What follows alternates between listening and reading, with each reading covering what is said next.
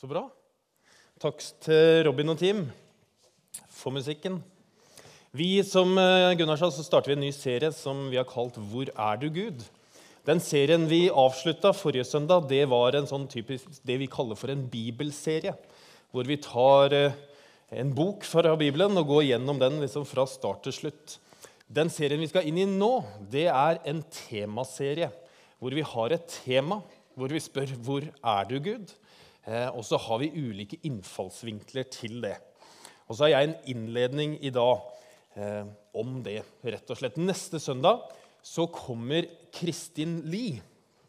Hun jobber i Randesund misjonskirke. Eh, og hun skal snakke om hvor er Gud? Gud i smerte og sorg. Og To uker etter det så kommer Anne Margrethe Mant Arnfinsen og skal ha et seminar her, eller en temadag på lørdagen fra 11 til 3. Det ligger brosjyre ute i gangen for de som vil ha det. Eh, og så skal hun snakke om da, den Gud som glimrer med sitt fravær på temadagen og også på søndagen. Eh, for, for det er jo sånn at i perioder i livet hvor vi opplever smerte og sorg, som Kristin skal tale om, eller andre perioder så kan vi oppleve at, og spørre hvor er du hen, Gud? Fordi Gud virker som at han er borte. Det kan være stille. Eh, når vi ber, så kan vi føle liksom at bønnene våre de når opp til taket, liksom, og så slår de ned igjen. Eh, det kan være tomt eh, og fraværende. Og hvor er Gud da? Og i de vanlige hverdagene våre som vi har flest av, hvor er Gud i de? Det er en som heter broder eh, Laurentius, som har skrevet en bok eller er, Han har ikke skrevet den boken, egentlig, det er egentlig en samling av de skriftene som han skrev på, for en del hundre år tilbake. Han var eh, en sånn katolsk eh, Hva heter det? Ikke prest, men han var i kloster. Og da heter det at man ikke er nonne, men man er munk. Eh, yes. han skrev nemlig noe, jeg synes han skrev noe fint, for han skrev at, at om de vanlige hverdagene det er da vi skal praktisere Guds nærvær. Og så lurer vi på hvordan ser det ut? Eh, og Det skal vi snakke om om to uker. Og da skal vi ha, liksom, Overskriften er, er kristen spiritualitet. Eh, og hva er det? Kristen spiritualitet er jo den måten vi som mennesker og som eh, kirkemedlemmer og som menighet praktiserer Guds nærvær på. Altså eh, hva vi gjør med det vi tror på. Eh, og hvordan er det for oss her i Skien misjonskirke? Hvordan er det i ditt liv? Er det bredt, eller er det smalt? Jeg tror ofte så kan vi tenke ganske smalt om vår kristen spiritualitet. At vi tenker på, på, bibellesning, og så tenker vi på bønn, og så tenker vi å gå til nattvær, og så med nådegaver og tjene. Og så er det det. Det er vår kristne spiritualitet. Men kanskje er det noe mer. Kanskje er det bredere. Kanskje handler det om livet vårt og hva vi fyller det med, med familie og sosialt og kanskje politisk og økologisk og hele skaperverket. Det er masse ting der. Det blir kjempespennende, rett og slett. Men det er to uker til. Ehm, det her er forresten da brosjyren for, for Anne Margrethe Mandt. Men før vi gjør noe annet, så vil jeg gjerne be en bønn. Herre, takk for at vi kan eh, legge denne stunden i dine hender og vite at du er her. Så ber jeg Herre om at jeg ikke skal stå i veien for det som du vil si. Jeg ber om at du skal tale inn i våre hjerter nå, Herre. I Jesu navn. Amen. Det er jo sånn at i vår frikirkelige tradisjon og i vår menighet så er vi veldig opptatt av å snakke om Guds nærvær. Altså det å kjenne Gud, det å føle Gud, det å høre at Gud taler, det å oppleve bønnesvar. Eh, at vi har sterke møter med Gud hvor vi overgir livet vårt til Gud og sier liksom med sånn kjempetrykk Skje din vilje, Herre i livet mitt eh, og i menigheten. Og det å leve med et sånt kall over sitt liv, hvor vi tenker at 'jeg vet hva Gud vil med livet mitt', 'jeg kjenner Han', og den veien som jeg skal gå på, den er veldig klar og tydelig for meg. Jeg kjenner at Han taler til meg, jeg kan høre Hans pust, jeg kan høre Hans røst. Og, og bønnesettingene mine er bare Jeg opplever at Gud er så nær. Det er en viktig del av vår tradisjon. Og så aner ikke jeg hvor mange bøker jeg har i min bokhylle hvor det står eh, som har titler som 'Å kjenne Guds stemme', 'Å høre Hans røst', um, og 'At han grep meg', 'Å være i Guds nærhet', 'Guds plan for mitt liv eller ditt liv', osv. Det er masse sånne bøker. Og For at du ikke skal misforstå, så er det ikke noe galt med de bøkene. Eh, jeg har jo fått utrolig mye av å lese de. Eh, og jeg elsker jo å være i Guds nærhet. Men hvis vi skal være ærlige med hverandre, da, som vi prøver å være, eh, så er det jo sånn at livet går jo i bølger. Eh, og kristenlivet vårt går i bølger. Og kanskje du er i en periode nå hvor du opplever at Gud er så nær. Du opplever at når du ber, så har du direkte kontakt, og det er så godt å være i Guds nærhet. Det er så lett å komme inn i tilbedelse. Og du føler at Gud er veldig nær akkurat nå. Og det tenker jeg, det skal du takke Gud for. At du er i den perioden nå. Men en annen side som vi snakker altfor lite om, og som vi nå har da tenkt å gjøre i fire uker, er når Gud oppleves fjern. Når vi ikke hører hans stemme, når vi ikke kjenner hans tilstedeværelse, når vi føler at vi ikke når opp og når vi opplever livskriser og sykdom og smerte som gjør at vi stiller spørsmålene hvor er du, Gud? Når vi opplever at det er tomt og fraværende, og vi opplever at alle andre hører, alle andre kjenner, men jeg kjenner ingenting. Og det gjør noe med oss. Det gjør noe med troen vår, det gjør i hvert fall noe med troen min. Eh, og det gjør noe med selvfølelsen vår og selvtilliten vår. Det, var, det har vært en ungdataundersøkelse den siste. Ja, og Den viste at unge mennesker i dag de opplever et sterkt press til å prestere. Mange sliter psykisk, og mange opplever ensomhet og savner tilhørighet. Og Forskerne som har forsket på disse ungdommene, eh, sier at man kan kalle den generasjonen som vokser opp i dag, for generasjon prestasjon. Og den Betegnelsen generasjonprestasjon den er da ment å fange opp at mange av dagens ungdommer opplever at de ikke bare skal være bra nok, men de skal være best. Og så tenker jeg gjelder det bare ungdommer? At vi ikke bare skal oppleve at vi skal være bra nok, men vi skal være best?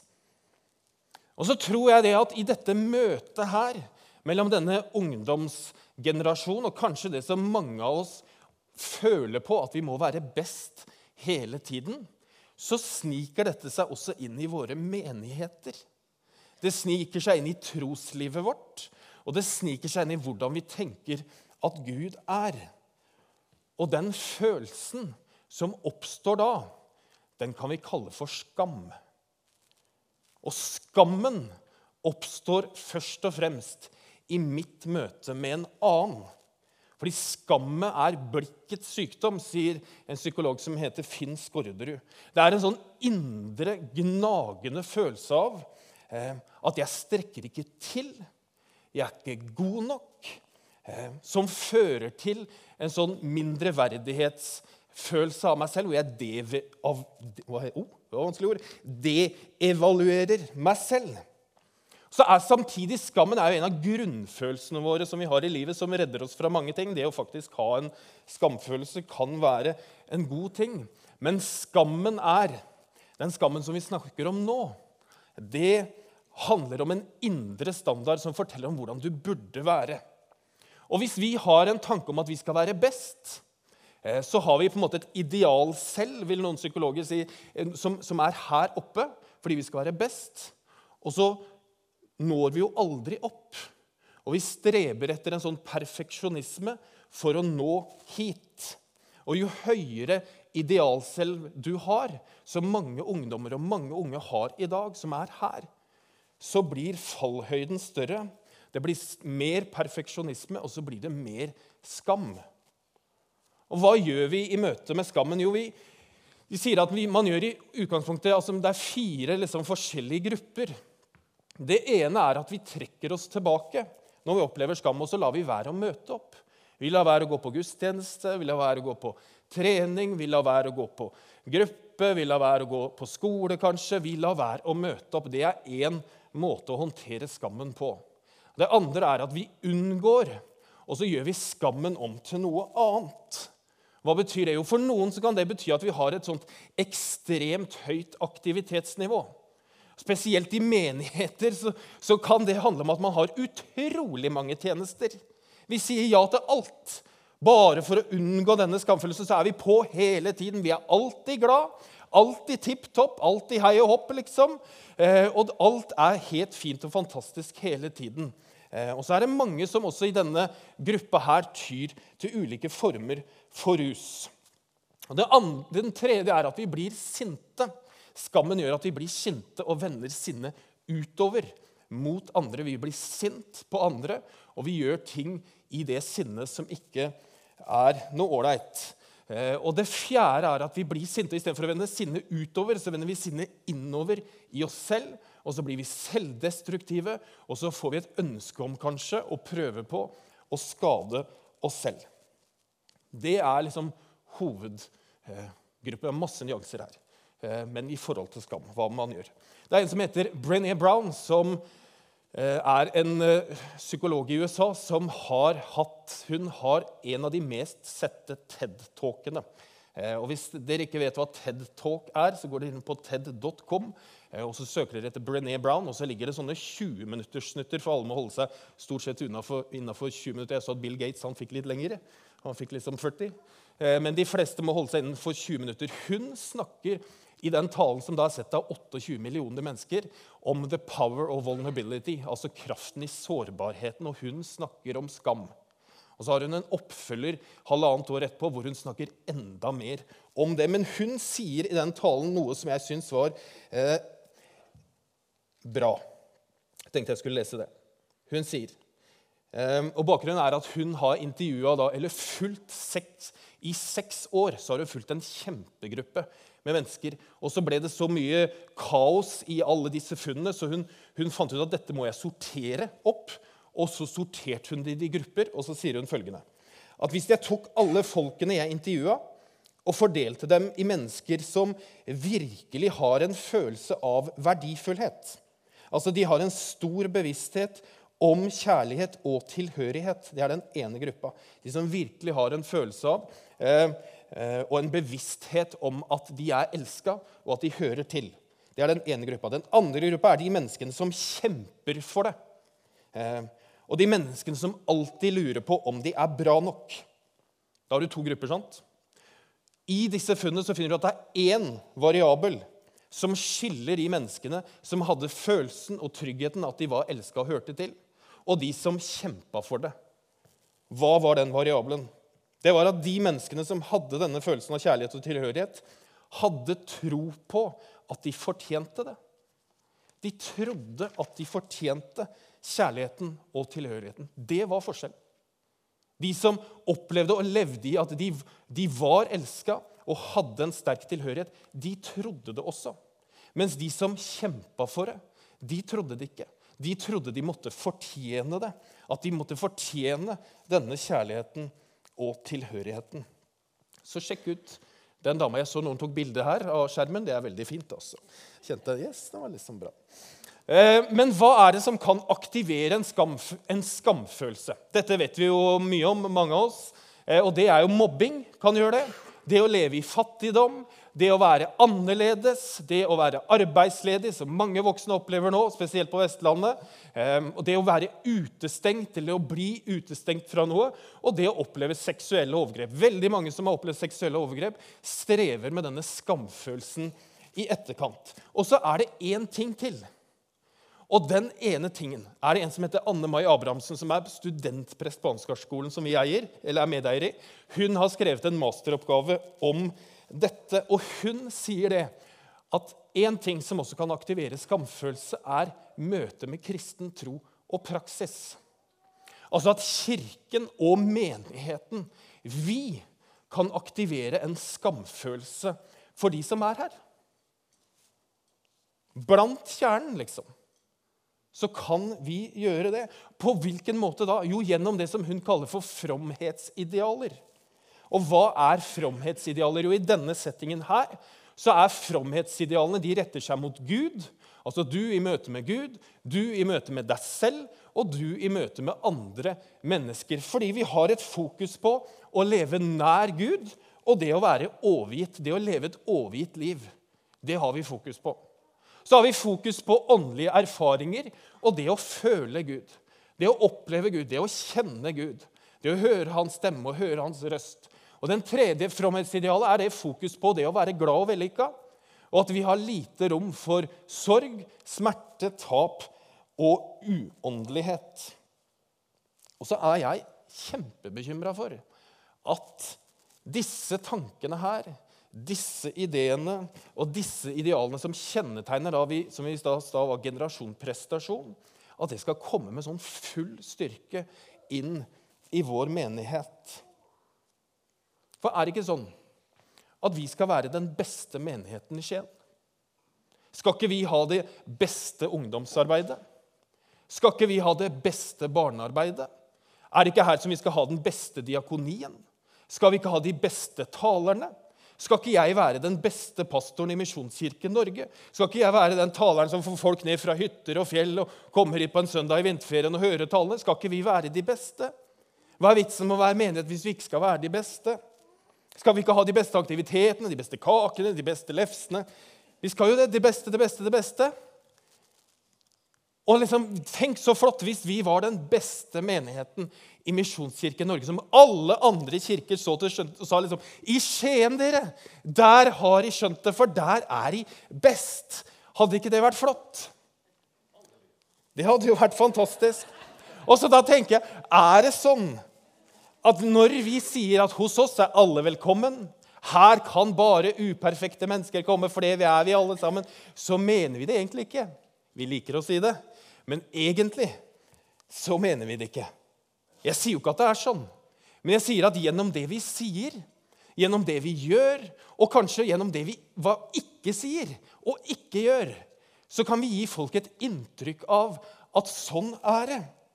Og dette skaper jo skam. Det skaper en følelse av at vi ikke er gode nok, at vi ikke kan stå i tjeneste. Vi kan ikke synge, vi kan ikke be høyt, vi kan ikke melde oss til en tjeneste og si at 'det kan jeg'. Vi kan ikke delta eller bidra, noen av oss, for det er ikke bruk for meg, for jeg er ikke best. Og så kan vi tenke ja, sånn er det ikke, men så fikk jeg et blikk, da.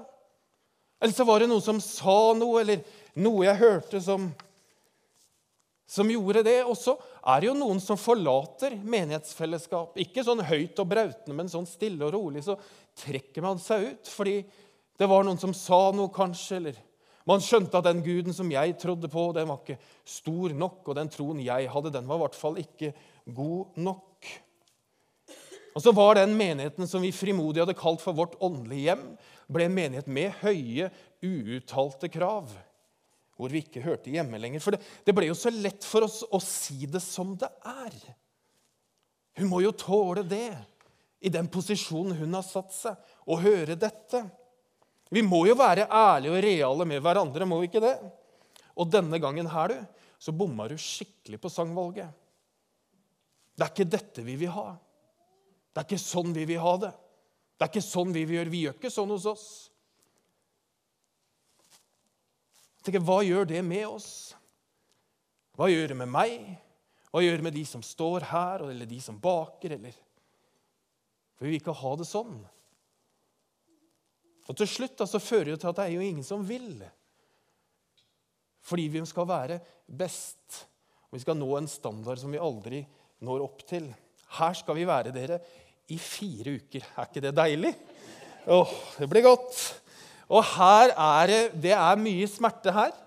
Det er mye sorg, det er mye sinne og frustrasjon. Men jeg tenker utrolig viktig at vi bruker fire uker på å snakke om dette. Og det er bare så dere vet det, det er krevende å snakke om. Det er det. Men jeg har én bønn til deg. Hvis du glemmer alt det jeg har sagt i dag, så, vil jeg at du skal, så har jeg én ting som egentlig er to. Men det er én ting. Og det er ikke stå alene. Ikke stå alene. Ikke stå alene med sinnet ditt eller frustrasjon eller smerten eller gudsfraværet ditt. Ikke stå alene med det. del det med noen. Del det med de du er i smågruppe med. Del det med de du kjenner, med de du er i tjeneste med, eller hvem nå enn det er. Og bruk det samtaleteamet som vi har. Hvor det er mennesker som vi har høy tillit til her, som ønsker å snakke med deg også om dette. Ikke stå alene. Det er det ene. Og det andre er ikke forlat menigheten.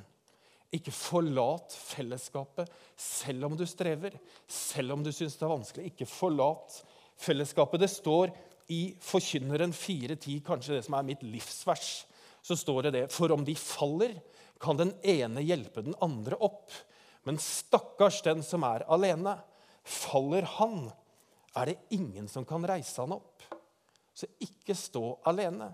Trygve Skau har skrevet en sang som heter 'Det går over'. En veldig sånn frigjørende sang. Og han skriver Hvem har sagt at alt er din skyld? Det er ikke sant. Du må ikke tro at det er du som graver hull. For natta kommer seg hit, helt av seg selv. Men du kan stole på meg når jeg sier at jeg lover, at jeg veit det går over. For hva er vitsen med meg om jeg ikke skulle bære deg? Og når du er oppe igjen, så skal du få bære meg hjem. En menighet er til for å bære hverandre hjem fordi det går over. Det er sant.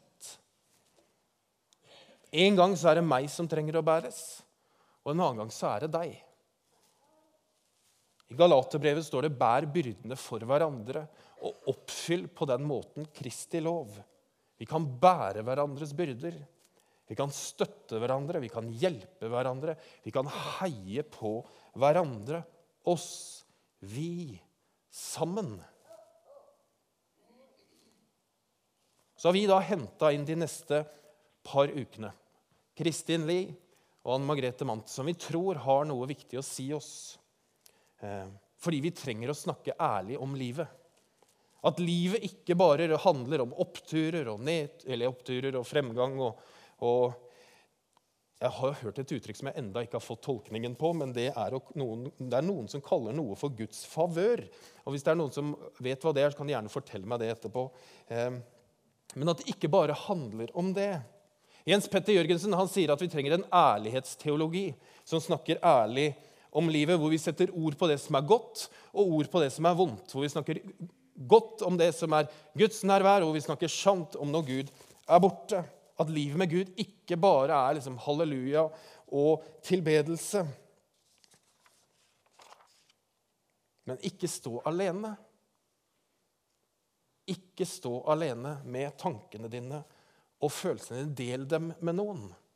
Med kona di eller mannen din eller vennene dine, med en psykolog eller en samtalepartner. Ikke stå alene. For når Trygve Skau sier at det går over, så gjør jo det.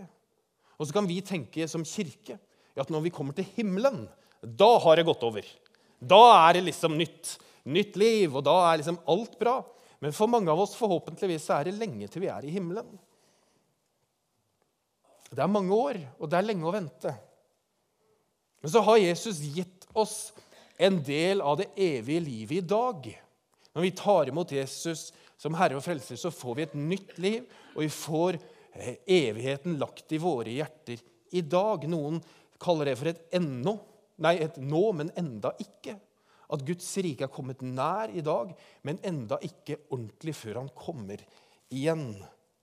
Og det er jo her, i dette nået, som Gud har gitt oss fellesskapet, som han har gitt oss hverandre, og som han har gitt oss menigheten, hvor vi kan bære hverandre. Og vet du hva? Du kan da være dette bønnesvaret som noen lengter etter. Du kan være den som sier 'Jeg tror du har gave til det. Du er så flink når'. Du vet at Når du skal skryte av noen, så skal du ikke skryte generelt. Men du skal skryte ganske spesifikt og si 'Steinar, han spiller både mange instrumenter. Du er så god til det, Steinar. Solveig er så god til det. og jeg vet ikke hva Gunnar er god til, egentlig. Men, men, men, at, man, men at vi Så takk for deg. Men at du kan jo gi noen tryggheten på at de er gode nok til å være her. De er gode nok til å be, de er gode nok til å synge, de er gode nok til å tjene, de er gode nok til å snakke med. Du er god nok. Du kan være det bønnesvaret. Og jeg tenker at Hos oss her så tenker vi at ja, alle tror jo det. Men sånn er ikke dere. De aller fleste tror ikke det. Og vi trenger at vi sier det til hverandre. Skal vi gjøre det? Ja. Takk for entusiasmen. Ja.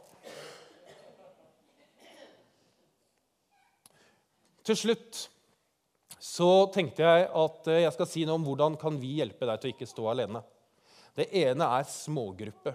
Jeg vet at Mange er jo med i både grupper og, og gjenger og jeg vet ikke hva nå det heter. Men det å være en del av en smågruppe her i Skien misjonskirke gjør at du blir knytta på noen som er her. Mange av dere er det. Mange er det ikke. Og som snakker om talene, vi snakker om menighetslivet. Vi er eh, og vi deler liv på et helt annet nivå enn det vi gjør i en gudstjeneste. Det er vårt, det beste stedet vi har for at du ikke skal stå alene. Og Samtidig så er det mange som opplever at de ikke står alene når de er i en tjeneste. Beam har vært et sånt sted for veldig mange hvor de opplever at her kan jeg eh, tjene, her blir jeg kjent med noen, her har jeg et godt fellesskap osv. Vi har mange sånne tjenester som kan hjelpe oss til å ikke stå alene. Og Det siste er dette samtaleteamet, hvor det er én og én samtale oppe på bønnerommet inntil tre ganger over lengre tid med folk som er gode på dette, og snakke med, med deg én til én, og som kan gi oss eh, en god oppfølging over tid når det er ting vi strever med, som vi trenger å få plassert. Eh, rett og slett. Så velkommen tilbake om en uke. Nå vil jeg gjerne be en bønn for oss alle.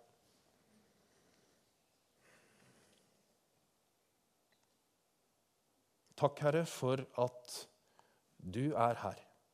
Det tror vi på, om vi føler det eller ei. Så har du lovet at der hvor to eller tre er samla, så er du midt iblant oss. Nå vet ikke jeg hvor dette lander, men jeg ber, Herre, om at du skal komme og være nær. Og at du skal sende mennesker til oss, og at vi også skal sendes til andre. Sånn at ingen står alene, men vi står sammen med noen i det livet vi lever, med de opplevelsene av deg som vi har. Så står vi ikke alene.